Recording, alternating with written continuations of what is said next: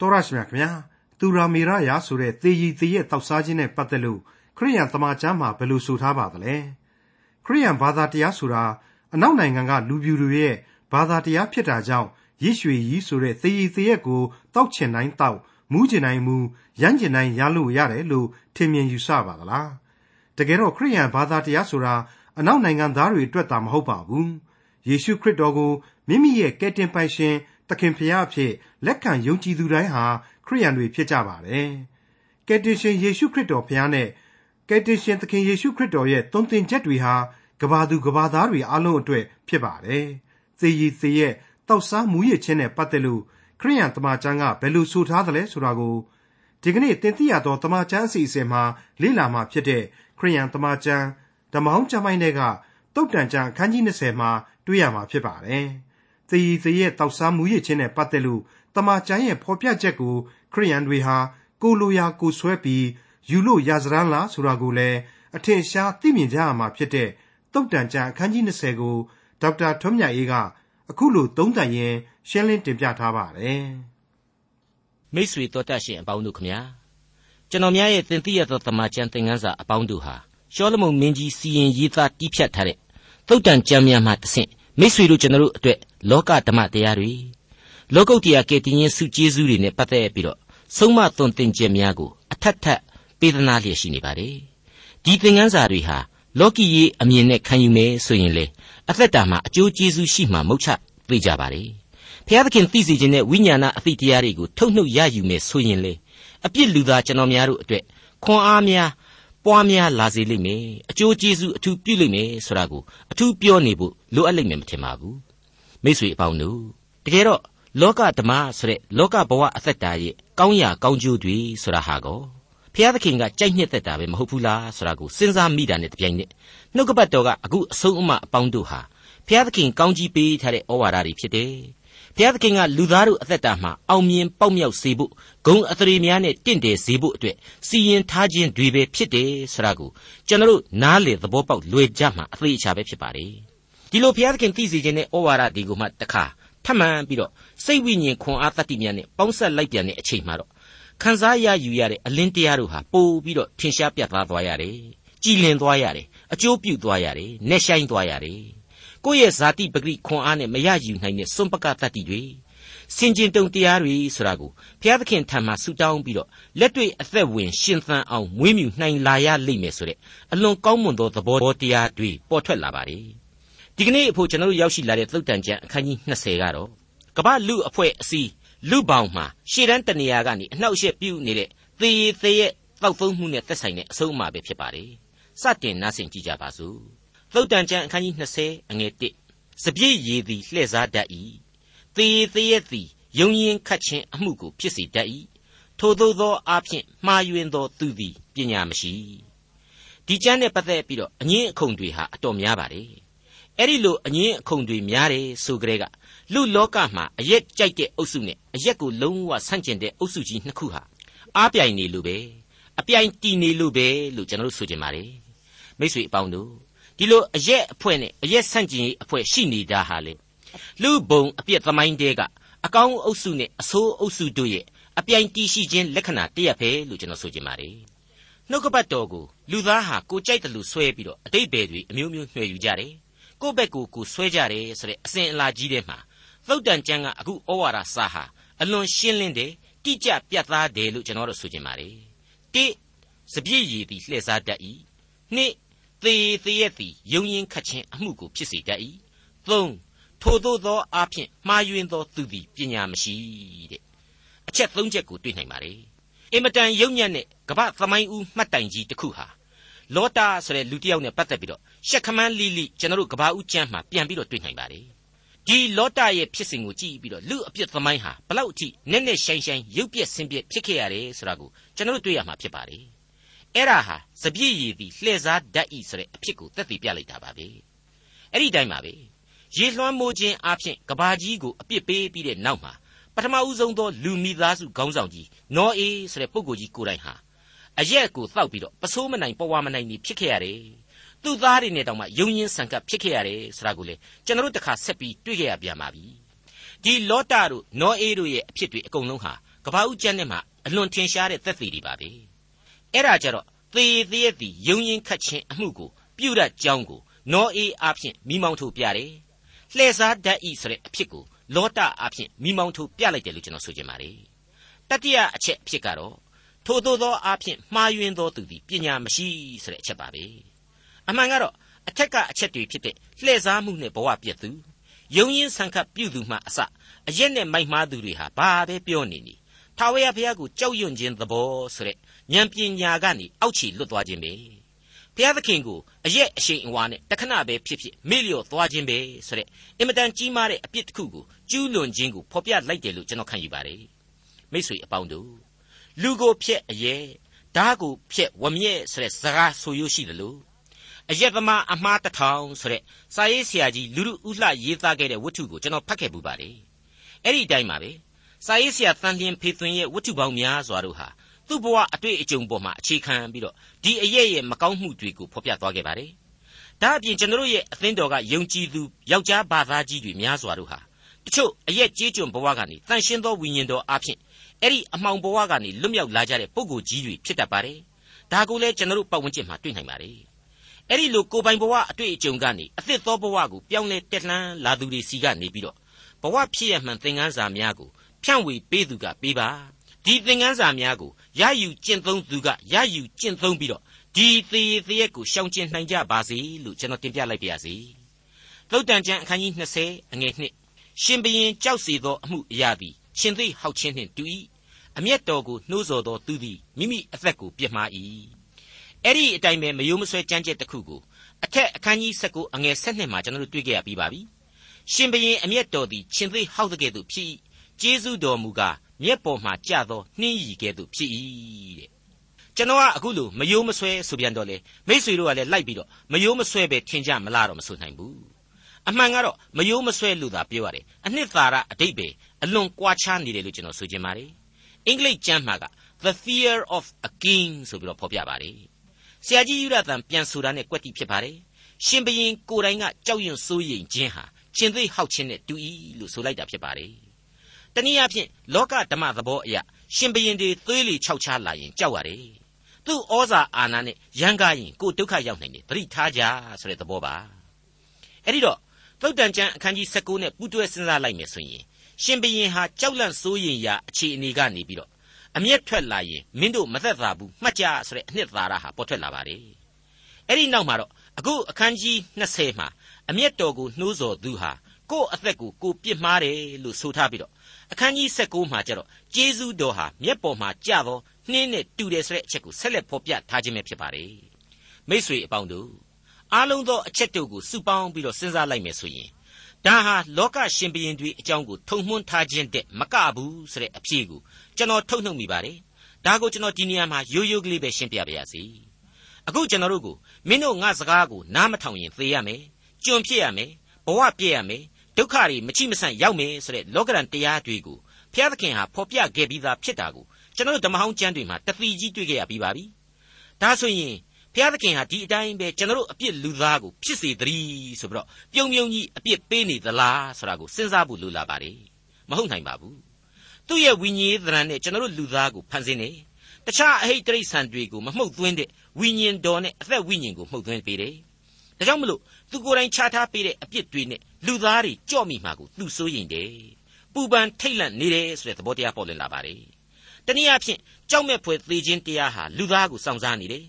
ဒီသေခြင်းတရားမှာလူသားတို့အကျွင့်မဲ့ဆုံးပါပျက်စီးမှာကိုဘုရားသခင်ဟာကြောက်လန့်တယ်ပူပန်စိုးရိမ်တော်မူတယ်အဲ့ဒီအခါမှာအမျက်ဒေါသလည်းဖြစ်တည်လာတယ်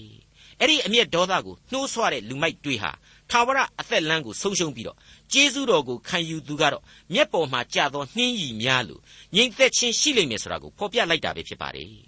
မိ쇠အပေါင်းတို့သုတ်တန်ကျမ်းဟာလင်္ကာရကျမ်းဖြစ်တယ်ဆိုတာကိုကျွန်တော်တို့မမေ့နိုင်ပါဘူးလင်္ကာတို့ရဲ့သဘောကိုနားလည်မယ်ဆိုရင် အခုကျွန်တော်ဖော်ပြခဲ့တဲ့အချက်တွေကိုဘယ်သူမှညင်းနိုင်လိမ့်မယ်ကျွန်တော်မထင်ပါဘူးဒါအပြင်နှုတ်ကပတ်တော်ရဲ့ကယ်တင်တော်မူခြင်းကျေးဇူးတော်အကြောင်းအတိတ်ကာလဓမ္မသမိုင်းကြောင်းများနဲ့ဆက်ဆက်တွေးခေါ်လိုက်မယ်ဆိုရင်လေဒီအဖြစ်အတိုင်းပဲရှင်းရှင်းလေးထွက်ပေါ်လာလိမ့်မယ်လို့ကျွန်တော်လေးစားစွာတင်ပြပါရစေသုတ်တန်ကျမ်းအခန်းကြီး20အငယ်3ရန်တွေ့ခြင်းကိုငြိမ့်စေသောသူသည်ဂုံအထရီရှိ၏မိုက်သောသူမူကားအမှုနှင့်ရောနှောတတ်၏ ကျကျွန်တော်ကဒီအပိုင်းကိုရောက်လာတော့ဖိလိပ္ပိဩဝါဒစာအခန်းကြီး၄ထဲကဖော်ပြချက်အချို့ကိုသတိရမိပါတယ်အငယ်၄ကနေ၈အထိကိုဖတ်ကြည့်ပါသခင်ဖျား၌အစင်မပြတ်ဝမ်းမြောက်ခြင်းရှိကြလော့တဖန်ငါဆိုသည်ကဝမ်းမြောက်ကြလော့လူအပေါင်းတို့ရှိ၌သင်တို့၏ဖြင်းညင်းခြင်းသဘောကိုထင်ရှားစေကြလော့သခင်ဖျားသည်အနီးအပါး၌ရှိတော်မူ၏အဘယ်အမှုကိုမျှစိုးရိမ်ခြင်းမရှိဘဲအရာရာ၌ကျေးဇူးတော်ကိုချီးမွမ်းခြင်းနှင့်တကွဆုတောင်းပတနာပြုသောအားဖြင့် သင်တို့တောင်းပန်လိုသောအရာများတို့ကိုဖျားသခင်အားကြားလျှောက်ကြလော့ထို့သောပြုလျင်အဘယ်သူမျှကြံ၍မမိနိုင်သောဖျားသခင်၏ညီသက်ခြင်းသည်ယေရှုခရစ်အားဖြင့်သင်တို့စိတ်နှလုံးတို့ကိုစောင့်မလိမ့်မည်ကျွင်းသေးသောစကားဟုမူကားညီအကိုတို့သမာတရားနှင့်ဆိုင်သောအကျင့်လျှောက်ပတ်သောအကျင့်ဖြောင့်မတ်သောအကျင့်စင်ကြယ်သောအကျင့်သူတစ်ပါးနှစ်သက်ဖွယ်သောအကျင့်ချီးမွမ်းဖွယ်သောအကျင့်ရှိသမျှတို့ကို၎င်းပါရမီတပါးပါ ကောင်းသောသတင်းတပါးပါနှင့်ဆိုင်သောအကျင့်တို့ကို၎င်းနှလုံးသွင်းကြလော့ရှင်းသွားပြီလို့ကျွန်တော်ခံယူပါတယ်လောကလူသားဘဝအသက်တာမှာယန္တေသာဖြစ်နေရရင်ဘယ်တော့မှပြီးနိုင်မှာမဟုတ်ပါဘူးကျွန်တော်ဒီကနေ့ထုတ်တဲ့သတင်းစာတွေမှာကြည်ပါသေလို့နှစ်ပေါင်းများစွာကြာတာတောင်မှအမှုအခင်းတွေဖြစ်နေတာ ड़ी ကြံရစ်သူတွေဟာအဲ့ဒီသေသွားသူကိုဗဟိုပြုပြီးတော့တိုက်ခိုက်နေကြရတာတွေကိုကြားနေရပါတယ်ကြောက်เสียရလဲကောင်းရှက်เสียရလဲသိတ်ကောင်းတယ်လို့ကျွန်တော်တို့မြင်မိပါတယ် အခုဖိလိပ္ပိဩဝါဒစာကဖော်ပြတဲ့ကျွင်းသေးသောစကားဆိုတာကိုမြန်မာနိုင်ငံဓမ္မတက္ကသိုလ်ကျောင်းဆရာကြီးဦးဝင်းတင်ကအတိတ်ပဲဖွင့်ဆိုရမှာဒါဟာမေ့ကြံနေတာမဟုတ်ဘူးအထူးသတိပြုရန်ဖြစ်တယ်ဆိုပြီးတော့သူ့ရဲ့ဓမ္မဒေသနာတစ်ခုထဲမှာဖော်ပြပူပါတယ်ဟုတ်ပါတယ်ဆရာကြီးဦးဝင်းတင်ဖော်ပြတဲ့အတိုင်းကျွန်တော်တို့ကိုအထူးသတိပြုဖို့ရန်ဆိုပြီးတော့မှားကြားလိုက်တဲ့အချက်တွေကတော့၁သမာတရားနှင့်ဆိုင်သောအကျင့်လျှောက်ပတ်သောအကျင့်၂ဖြောင့်မတ်သောအကျင့်၃ သူတစ်ပါးနှစ်သက်ဖွယ်သောအကျင့်၄ချီးမွမ်းပွေသောအကျင့်ရှိသမျှနေ6ကောင်းသောသတင်းတပါးပါးနှင့်ဆိုင်သောအကျင့်ဖြစ်တဲ့ကဲတင်ခြင်းကျေးဇူးတော်ကိုဖော်ပြခြင်းအကျင့်တို့ကိုနှလုံးသွင်းကြရမှာဖြစ်ပါလေအဲ့ဒီလိုအလွန်အလွန်အရေးကြီးတဲ့အကျင့်တို့ကိုနဘေးချိတ်ထားရင်တော့အရေးမကြီးတဲ့အရာတွေဟာခေါင်းထောင်လာမှအမှန်ပါပဲတိဖျားသခင်မနှစ်သက်တဲ့အကျင့်နှစ်လူတွေဘသူကမှစိတ်မချမ်းသာနိုင်တဲ့အကျင့်သုံး ကဲတင်ခြင်းကျေးဇူးတော်နဲ့ဘာမှမဆိုင်တဲ့အကျင့်တွေဖြစ်ကုန်ပါလိမ့်မယ်အဲ့ဒီခါမှာတော့ရန်တွေ့ခြင်းအပြင်ဂုံအသရေတွေပြက်ကုန်လိမ့်မယ်အမှုနှင့်ရောနှော၍မိုက်သောသူတွေဖြစ်ကုန်လိမ့်မယ်ဆိုတာကိုသုတ်တန်ကျမ်းဟာရှင်းလင်းပြသစွာဖော်ပြပေးလိုက်ပါတယ်သုတ်တန်ကျမ်းအခန်းကြီး20အငယ်၄မှ9ချမ်းသောကြောင့်ပြင်းရည်သောသူသည်လဲမလုလို့ထို့ကြောင့်စပားရိတ်သောကာလ၌သူတစ်ပါးကိုတောင်းတော်လည်းမရရလူစိတ်နှလုံး၌ပညာအကြံသည်နက်သောရေနှင့်တူတော်လေ ဉာဏ်ကောင်းသောသူသည်ခတ်ယူလိမ့်မည်လူများတို့သည်မိမိတို့ပြုသောကျေးဇူးကိုကြားပြောတတ်၏သစ္စာရှိသောသူမူကားအဘယ်သူရှာ၍တွေ့နိုင်သနည်းဖြောင့်မတ်သောသူသည်မိမိဖြောင့်မတ်ခြင်းလမ်းသို့လိုက်၍သူ၏သားစဉ်မြေးဆက်တို့သည်မင်္ဂလာရှိကြ၏ဒီအထက်ကအဓိကအချက်တွေကတော့တိပြုတ်အပ်သောကျေးဇူးနှစ်မိမိဖြောင့်မတ်ခြင်းလမ်းဆိုတဲ့အချက်တွေဖြစ်ပါတယ်ကျေးဇူးပြုနိုင်တဲ့အသက်တာဖြောင့်မတ်ခြင်းလမ်းခရီးအတိုင်း တည်ကြည်မွန်မြတ်စွာရှောက်သွားနိုင်သောအသက်တာများအားဖြင့်မင်္ဂလာရှိသောသူများအသီးသီးဖြစ်စေဖို့တိုက်တွန်းအားပေးလိုက်ခြင်းပါပဲသုတ်တန်ကျမ်းအခန်းကြီး20အငယ်8မှ12တရားပလင်ပေါ်မှထိုင်သောရှင်ဘရင်သည်မကောင်းသောအမှုအရာရှိသမျှတို့ကိုမျက်စိတော်နှင့်ပယ်ရှင်းတတ်၏ငါသည်ကိုယ်စိတ်နှလုံးကိုစင်ကြယ်စေပြီအပြစ်နှင့်ကင်းလွတ်၏ဟုအဘယ်သူဆိုနိုင်သနည်းအလေးချင်းမတူသောအလေးအဝင်ချင်းမတူသောတင်းတောင်းတို့ကိုထာဝရဘုရားဆက်ဆုပ်ရွံရှာတော်မူ၏ သူငယ်တော်လဲမိမိပြုသောအမှုသည်စင်သည်မစင်သည်မှန်သည်မမှန်သည်ကိုမိမိအချင်းအရာအဖြစ်ပြ၍မိမိသဘောကိုထင်ရှားစေ၏ကြားရသောနားကို၎င်းမြင်တတ်သောမျက်စိကို၎င်းထာဝရဘုရားဖန်ဆင်းတော်မူပြီအခုဖော်ပြပါကြမ်းအတိုင်းဆိုရင်တော့ကကြီးမကောင်းသောအမှုအရာတို့ကိုပယ်ရှားခြင်းခါခွေစိတ်နှလုံးစင်ကြယ်ခြင်းဂငယ်တရားမျှတခြင်းဂါကြီး သတိဝရိယနှင့်စင်ကြင်တုံတရားရှိခြင်းဆိုတာတွေကိုဖော်ပြပေးလိုက်ပါတယ်အထူးသဖြင့်ကိုဟာဘုရားသခင်ပေးတဲ့လူဘဝမှာယက်တည်နေရတယ်ကိုကိုပေးထားတဲ့ကျေးဇူးတော်တွေဟာအခြေခံမှာပင်အဆင့်မြင့်တယ်အဆင့်မြင့်သောလူတ attva ဟာအဆင့်ရှိရှိတွေးခေါ်မျှော်မြင်ရမယ်ဆိုတာတွေ့ကိုသတိပေးလိုက်တဲ့အတူတူပါပဲဒါပေမဲ့အဲ့ဒီလိုမြင့်မြတ်တဲ့လူဆိုတာဟာဒီအတိုင်းကြီးပဲမြင့်မြတ်ပြီးတော့ဒီအတိုင်းကြီးပဲကောင်းကင်ဘုံကိုရောက်သလားဆိုရင်တော့မဟုတ်သေးဘူးရှင်ယောဟန်ခရစ်ဝင်ကျမ်းအခန်းကြီး3အငယ်3မှာ အခုလိုတိကျပြတ်သားတဲ့အဆိုအမိန့်ကိုခရစ်တော်ဖော်ပြထားခဲ့ပါတယ်ယေရှုကဒုတိယမွေးခြင်းကိုမခံသောသူမည်သည်ကဖျားသခင်ဤနိုင်ငံတော်ကိုမမြင်ရဟုငါအမှန်အကန်ဆိုသည်တဲ့ရှင်းနေပါလေကကယ်တင်ရှင်အားဖြင့်ရယူတတ်တဲ့ကယ်တင်ခြင်းကျေးဇူးတော်ကိုလက်ခံပါမယ်ဆိုတဲ့ဂရိနဲ့အသစ်သောဝိညာဉ်ရေးပြုပြင်ပြောင်းလဲမှုကိုလက်ခံကြရမှာဖြစ်ပါတယ်မိတ်ဆွေအပေါင်းတို့ ဒီအချက်ဟာကိုယ့်ရဲ့အသက်တာကိုကိုကကောင်းတယ်ကောင်းအောင်လုပ်မယ်ဆိုပြီးတော့လူသားရဲ့မာမာနနဲ့စ조사ထိန်ကြောင်းလို့တော့မရဘူးကဲတင်ပိုင်သောသခင်ဝိညာဉ်တော်ကိုအားကိုးဖို့လိုလိမ့်မယ်ဆိုတဲ့အဆင့်မြင့်ဩဝါဒကိုဖော်ပြလိုက်တာပဲဖြစ်ပါတယ်သုတ်တန်ကျမ်းအခန်းကြီး20အငယ်73မှ16ဆင်းရဲမည်ဟုစိုးရိမ်စရာရှိသည်ဖြစ်၍အိတ်ချင်းကိုမတက်မဲ့နှင့်နိုးတတ်လျင်ဝစွာစားရ၏ဝယ်သောသူကမကောင်းဘူးမကောင်းဘူးဟုဆိုရ၏ ဝယ်၍သွားပြီးမှဝါကြွားတတ်၏ရွှေရှိ၏ပရမ ्या လည်းရှိ၏ပညာအတတ်နှင့်ပြည့်စုံသောနှုတ်မူကားအလွန်အဖိုးတိုက်သောယရနာဖြစ်၏မကျွန်းသောသူအတွက်အမျိုးပြက်သောမိမအတွက်အာမခံတတ်သောသူသည်အဝတ်အစရှိသောဥစ္စာတစ်စုံတစ်ခုကိုပေါင်ထားစေဒီအပိုင်းနဲ့ကအလုတ်လုတ်ကြပါအိတ်ကြီးမနေကြပါနဲ့ဆိုတဲ့အချက်ကိုသက်သာလောနိဩဝါဒစာဒုတိယစာဆောင်အခန်းကြီး3အငယ်30ကဖော်ပြချက်ဟာကွက်တိကျနေစေလိမ့်မယ်လို့ကျွန်တော်ခံယူပါတယ်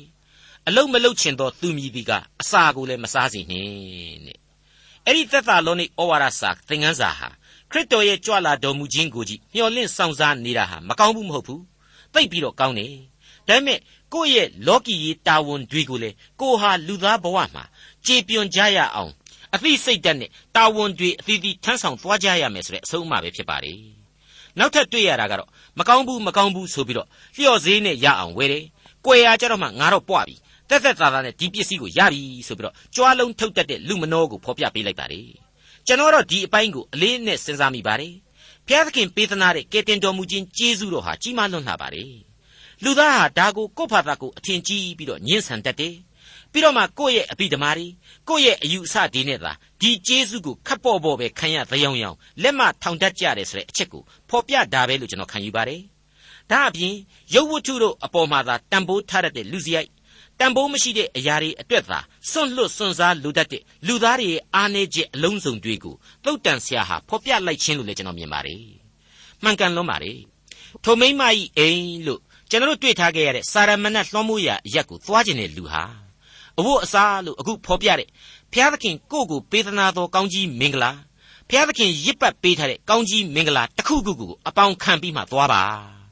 မလွဲမသွေပျက်စီးဆုံးရှုံးမှာမို့လို့ကောက်ရိုးကလေးတစ်မြင်ကိုဆွဲမိဖို့ကောင်းကြိုးကလေးတစ်ခုတော့ရှိပါစေဆိုတဲ့သဘောဖြစ်ပါတယ်လူမိုက်အားပေးမဟုတ်ပါဘူးအလွန်တဘာဝကြတဲ့ကြောက်မဲ့ဖွယ်ပျက်စီးခြင်းနဲ့အံ့ဩဖွယ်သောကျေးဇူးတော်ကြီးမြတ်ခြင်းတို့အပြိုင်တီးရှိခြင်းကိုတင်စားဖော်ပြလိုက်တယ်လို့ကျွန်တော်မြင်ပါတယ်သုတ်တန်ကျမ်းအခန်းကြီး20အငယ်16မှ20လှည့်စား၍ရသောအစာသည် ချိုမြိန်တော်လေစားသောသူ၏နှုတ်သည်ကြောက်စရည်နှင့်ပြည့်လိမ့်မည် အကြံရှိသောသူသည် သူတစ်ပါးနှင့်တိုင်ပင်လျင်အကြံထမြောက်တတ်၏ကောင်းသောတိုင်ပင်ခြင်းရှိမှသာစစ်မှုကိုပြုရမည်လဲ၍စကားများသောသူသည်လျှို့ဝှက်အပ်သောအရာကိုဖော်ပြတတ်၏တို့ဖြစ်၍ချော့မော့တတ်သောသူနှင့်မပေါင်းဖော်နှင့်အကျဉ်သူသည်မိဘကိုကြိမ်ဆဲ၏ထိုသူ၏မိကွက်သည်ထူတတ်သောမှောင်မိုက်၌သေလိမ့်မည်တိလိန်ပြီးစားရင်ကြောက်ခဲတွေစားရတယ်လို့ပဲတဲ့နှစ်ပညာရှိတဲ့လူနဲ့သာလျှင်တိုင်ပင်ပါ သုံးစကားမများပါနဲ့လေးမိဘကိုစော်ကားမယ်ဆိုရင်အနာဂတ်ဟာမှောင်တဲ့မှောင်လာပြီးတော့နောက်ဆုံးလူမွေးလူတောင်မပြောင်းတဲ့ဘဝကိုရောက်သွားရပါလိမ့်မယ်တဲ့အငယ်27အမွေဥစ္စာကိုအစအဦး၌အလျင်ရနိုင်တော့လေအဆုံး၌အမင်္ဂလာဖြစ်လိမ့်မည်အဲ့ဒီကိစ္စကတော့စောစောကအမေအဖေကိုကျိန်ဆဲတာနဲ့တစ်ဆက်တည်းထည့်ပြီးစဉ်းစားရမယ့်အချက်ပါပဲအတော်တော့ရည်စရာကောင်းပါလေ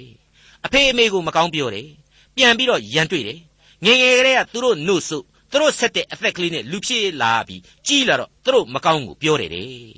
ဟုတ်တယ်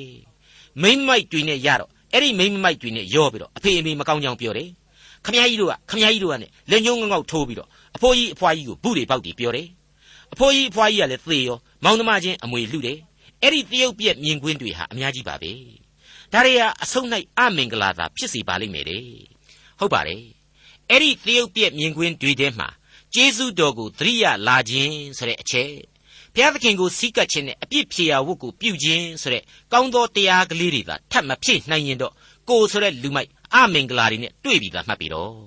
ပြက်ပြက်ပဲပြောရရင်တော့ငရဲကိုသာရောက်ပြီးမှတ်ပြီးတော့ဆိုတဲ့သဘောပါပဲသုတ်တန်ကျမ်းအခန်းကြီး20အငယ်22မှ26ငါသည်ရန်တုံပြုမိဟုမဆိုနှင့်ထာဝရဘုရားကိုငန့်လင်လော့တို့ပြုလျင်ကဲတင်တော်မူလိမ့်မည် အလေးချင်းမတူသောအလေးတို့ကိုထာဝရဘုရားဆက်ဆုပ်ယွန်ရှာတော်မူ၏စင်လဲသောချိန်ခွင်လဲအပြစ်ရှိ၏လူသွားရာလမ်းတို့ကိုထာဝရဘုရားစီရင်တော်မူ၏တို့ဖြစ်၍သူသည်မိမိသွားရာလမ်းတို့ကိုအဘယ်သို့နားလည်နိုင်သနည်းဖျားအမှု၌စကားလွန်မိသောသူတစ္ဆာဂရိထားပြီးမှမေးမြန်းသောသူသည်ကြော့ကွင်းနှင့်တွေ့မိပြီပညာရှိသောရှင်ဘရင်သည် လူဆိုးတို့ကိုကွဲပြားစေ၍ဘီးနှင့်ဖိတတ်၏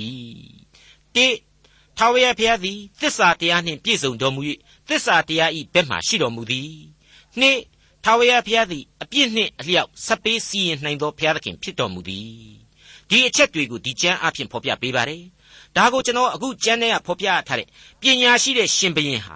လူဆိုးတွေကိုအကွဲကွဲအပြားပြားဖြစ်အောင်လုပ်ပြီးတော့မှနောက်ဆုံးတယောက်ချင်းလိုက်ပြီးတော့ဘိန်းနဲ့ဖိတတ်တယ်တဲ့အဲ့ဒီအချက်ပါပဲဒီဥပမာဟာစိတ်စိတ်စဉ်းစားရင် လောကဓမ္မအမြင်မှာအတော်ကြီးမှန်ကန်ခဲ့တာပဲဆိုတာကိုတွေ့ရပါတယ်ဒါပေမဲ့ပြည့်စုံလုံလောက်မှုရှိသလားလို့မေးရင်တော့မပြည့်စုံမလုံလောက်ခဲ့ကြပါဘူးအပြည့်စုံဆုံးဥပမာကိုပေးမယ်ဆိုရင်တော့ဣသရေလမှသည်မြေကြီးစွန်းစီသို့စိုးမိုးခဲ့သူကယ်တင်ရှင်သခင်ခရစ်တော်ရဲ့အကြောင်းနဲ့ကျွန်တော်ပြန်ပြီးတော့ဥပမာပေးရလိမ့်မယ်ထင်ပါတယ်ဒါဟာအမှန်တရားပါကယ်တင်ရှင်သခင်ရဲ့ကယ်တင်ရှင်ကျေးဇူးတော်ဟာအပြတ်သားဆုံးသောတရားဖြစ်ပါတယ်ငါသည်လမ်းခရီးဖြစ်၏ သမာတရားလည်းဖြစ်၏အသက်လည်းဖြစ်၏ဆိုတဲ့သခင်ဟာအခုလိုတိကျတဲ့အဆုံးအဖြတ်ကိုပေးထားခဲ့ပါတယ်ငါကိုအမိမပြုတ်လျင်အဘယ်သူမျှခမည်းတော်ထံသို့မရောက်ရဆိုတဲ့အဆုံးဖြတ်ပါပဲသုတ်တန်ကျမ်းအခန်းကြီး20အငယ်28လူဤစိတ်ဝိညာဉ်သည်ကိုယ်အတွင်း၌ရှိရှိသမျှတို့ကိုစစ်ဆေးသောထာဝရဘုရား၏မိကွက်ဖြစ်၏နဘေးနဘီကိုဘာမှလှည့်ကြည့်ပြီးတော့အပြစ်တွေတင်မနေကြပါနဲ့ ကိုနဲ့ကိုဝိညာဉ်သာလျှင်အခရာဖြစ်တယ်ဆိုတာကိုကျွန်တော်အချင်းချင်းပြောခဲ့ပါတယ်ကြားနာလိုက်ရတဲ့အခုသုတ်တန်ကျမ်းအဆုံးအမဟာရှင်းနေအောင်ထောက်ခံပေးလိုက်ပါတယ်လူဤစိတ်ဝိညာဉ်သည်ကိုယ်အတွင်း၌ရှိရှိသမျှတို့ကိုစစ်ဆေးသောထာဝရဘုရား၏မိကွက်ဖြစ်၏တဲ့ဒီတော့လူသားတဦးစီရဲ့စိတ်ဝိညာဉ်ဟာသစ္စာတရားကိုရှာနိုင်ဖို့ဘုရားသခင်ပေးထားတဲ့အလင်းအိမ်တစ်ခုပဲဖြစ်တယ်တဲ့တခုတော့သတိပြုပါနော်အလင်းအိမ်အဆင့်မိကွက်အဆင့်အထိကို့မှာရှိနေပြီ အလင်းဆိုတဲ့အဆင့်ကိုတော့မရနိုင်သေးဘူးဒါဆိုရင်ဒီကျမ်းဟာဘာကိုဆိုလိုတာလဲဒီအလင်းအိမ်ကိုဒီတိုင်းထားလို့မရဘူးတန်ရှင်းသောဝိညာဉ်တော်ဆိုတဲ့စီနဲ့မိတောက်အောင်လို့ကိုကဖြစ်ဆွဲအသုံးပြုဖို့လိုတယ်ဆိုတဲ့လူတာဝန်ကိုဖော်ညွှန်းနေတယ်အဲ့ဒီအလင်းအိမ်သေသွားမယ်ဆိုရင်လေဒါဟာတန်ရှင်းသောဝိညာဉ်တော်ကိုမခံယူတဲ့လူရဲ့တာဝန်ပဲအခုသုတ်တန်ကျမ်းဆရာဟာဉာဏ်ပညာကိုသွန်သင်တဲ့ကျမ်းဆိုပြီးတော့ကျွန်တော်မိတ်ဆက်ပေးခဲ့ပါတယ် လောကဓမ္မတွေနဲ့သာအခြေခံပြီးသွန်သင်နေတယ်လို့ခံယူရင်လည်းရနိုင်တယ်ဆိုတာကိုလေကျွန်တော်အထက်ထပ်ပြောခဲ့ပါတယ်မိမိ၏စိတ်ဝိညာဉ်သည်တန်ရှင်းသောဝိညာဉ်တော်၏လမ်းပြအလင်းနဲ့အရာရာကိုစစ်ဆေးအရာရာကိုဆင်ခြင်အရာရာကိုလက်ခံကျင့်သုံးဖို့ဖျားသခင်ပေးတော်မူသောအလင်းအိမ်ဖြစ်ကြောင်းကိုခံယူခြင်းအပြင်ဒီလောကဓမ္မတို့ဟာအသက်လမ်းကိုပေးစွန်သွားလိမ့်မယ်လို့ကျွန်တော်လေးစားစွာတင်ပြပေးလိုက်ပါတယ်သုတ်တန်ကျမ်းအခန်းကြီး20အငယ်28မှ30 လူဤစိတ်ဝိညာဉ်သည်ကိုယ်အတွင်း၌ရှိရှိသမျှတို့ကိုစစ်ဆေးသောထာဝရဘုရား၏မိကွက်ဖြစ်၏ဂယုဏတရားနှင့်သစ္စာတရားသည်ရှင်ဘရင်ကိုစောင့်မတတ်၏ယာစပလင်တော်သည်ဂယုဏတရားအဖြစ်မြဲမြံတတ်၏လူပြိုဤဘုံကအစွန်းတတ်၏လူအိုဤဂုံအသရေကဖြူသောသပင်ဖြစ်၏အနာကိုမှွေနှောက်ခြင်းအဖြစ်အဆိုးအညစ်နှင့်ကင်းစင်တတ်၏ဒဏ်ကျဲရာတို့သည်လေကိုအတွင်းအရတ်တို့၌ထိုသို့သောကျေးဇူးကိုပြုတတ်၏ ဂယုဏတရားနဲ့သစ္စာတရားတဲ့အဲ့ဒီတရားတော်ဟာဘုရားသခင်စီကနေသာအဓိကပေါ်ထွက်လာရတယ်ဆိုတာကိုမမိတ်မသုံကျွန်တော်ခံယူတိုက်လာပါတယ်ဟုတ်ပါတယ်လူသမိုင်းကဘယင်တွေမင်းဆက်တွေထီနန်းအပေါင်းတို့တွေဟာဖျားသခင်တည်စေခြင်းသမျှသာတည်ခဲ့ကြသလိုဖျားသခင်ရုပ်သိမ်းတဲ့အခါကျတော့လေနီးအမျိုးမျိုးနဲ့တပြုတ်ပြုတ်ပြုတ်ကုန်ကြတာကြီးပဲဆိုတာကိုကျွန်တော်အနေနဲ့ဓမ္မသမိုင်းကပ္ပသမိုင်းစာမျက်နှာတွေမှာထင်ရှားစွာတွေ့နိုင်ခဲ့ရပြီးပါပြီ မျက်စိတမိတ်လျှက်တစ်ပြက်အတွင်းမှာပြောင်းလဲခြင်းအမျိုးမျိုးတို့ဖြစ်ပေါ်နေတာကိုဓမ္မသမိုင်းကပ္ပသမိုင်းဖြစ်စဉ်တို့ဟာအစဉ်စိုက်ကျွန်တော်တို့ကိုသွန်သင်နေပါတယ်ကျွန်တော်တို့အဖို့ရယူနိုင်မယ်ဆိုရင်ဥပမာသင်ခန်းစာတွေကမကုန်နိုင်ပါဘူးဒါတွေကိုသင်ခန်းစာရယူရမှာလောကအသက်တာအတွက်သင်ခန်းစာယူပါဘုရားသခင်ကိုတိကျောင်းနားလဲပြီးတော့ကိုးကွယ်ဖို့ရန်အတွက်လေသင်ခန်းစာများရယူနိုင်ကြပါစေလို့တိုက်တွန်းလိုပါတယ်အငယ်30ဖြစ်တဲ့ဏီကုန်းအပိုက်ဟာ ဆေးပညာကမငင်းနိုင်တဲ့နောက်ထပ်အမှန်တရားကိုဆက်လက်ဖော်ပြပေးလိုက်ပါတယ်အနာကိုမှွေနှောက်ခြင်းအပြင်အဆိုးအညစ်နှင့်ကင်းစင်တတ်၏ဒဏ်ကျက်ရာတို့သည်လေကိုအတွင်းအရတ်တို့၌ထိုသို့သောကျေးဇူးကိုပြုတတ်၏တဲ့ပြည်တယ်နာကြီးတွေကိုခွဲစိတ်ကုသပေးရတဲ့ဆရာဝန်ကြီးတွေဆရာမကြီးတွေဆေးဝါးကျွမ်းကျင်သူတွေကိုသာဒီအချက်မှန်သည်မမှန်သည်ကိုမေးမြန်းစုံစမ်းကြည့်ကြပြီတော့အလွန်အလွန်ခင်မိနေပါပြီဆိုတဲ့ဒီကနေ့ဆေးပညာတိုးတက်ချိန်မှတောင်မှ အနာခံပြီးမှအသာဆန်ရတယ်ဆိုတဲ့အခြေခံသဘောတရားဟာမပြောင်းနိုင်သေးပါဘူး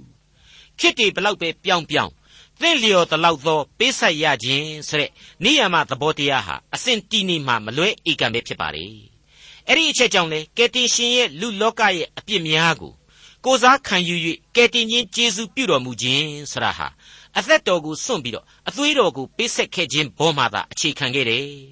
သူ့ရဲ့ကားတိုင်းတော်ပေါ်ကဝေဒနာခံခြင်းအပေါင်းတို့ဟာ လူသားတို့အတွက်သာဝရအသက်ဆုကျေးဇူးကိုရယူဖို့ဖြစ်တယ်ဆိုတာဟာရှင်းနေပါလေ